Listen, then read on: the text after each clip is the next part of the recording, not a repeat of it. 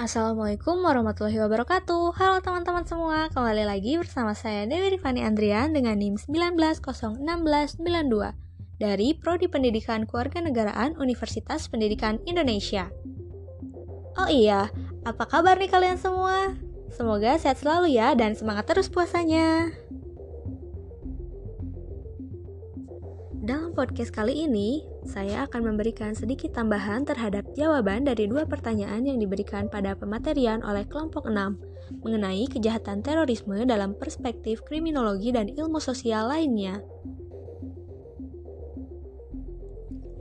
Pertanyaan pertama yaitu dari Fadia mengenai bagaimana upaya yang dilakukan pemerintah terhadap korban bom Tamrin dan kasus terorisme lainnya di Indonesia. Menurut beberapa artikel yang saya baca, untuk keluarga korban terorisme sendiri, pemerintah sudah memberikan kompensasi berupa uang. Seperti yang dilansir pada bbc.com, bahwa walaupun kejadian terorisme sudah terjadi lama sekali, pemerintah telah memberikan kompensasi bagi para korban dan keluarga korban terorisme masa lalu yang jumlahnya pun bervariasi, mulai dari 75 juta hingga 250 juta. Tetapi memang jika dilihat, kompensasi tersebut tidak akan menyembuhkan luka para korban ataupun keluarga korban akibat terorisme sampai kapan pun. Namun diharapkan kompensasi ini bisa digunakan untuk meringankan beban para korban dan keluarga korban yang ditinggalkan dalam mencukupi kebutuhan hidupnya.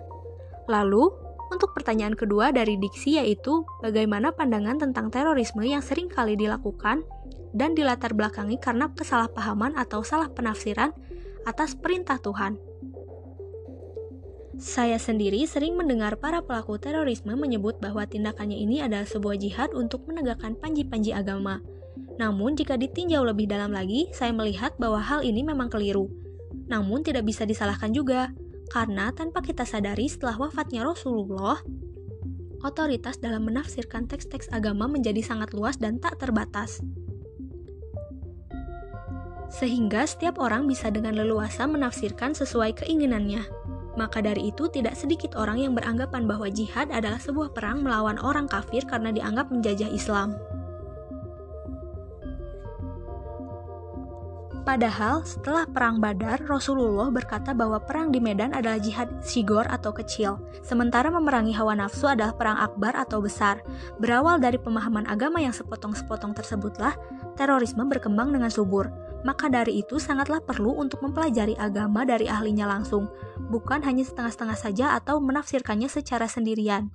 Nah, mungkin teman-teman sekian podcast dari saya kali ini, semoga bermanfaat. Stay awesome and see you. Assalamualaikum warahmatullahi wabarakatuh.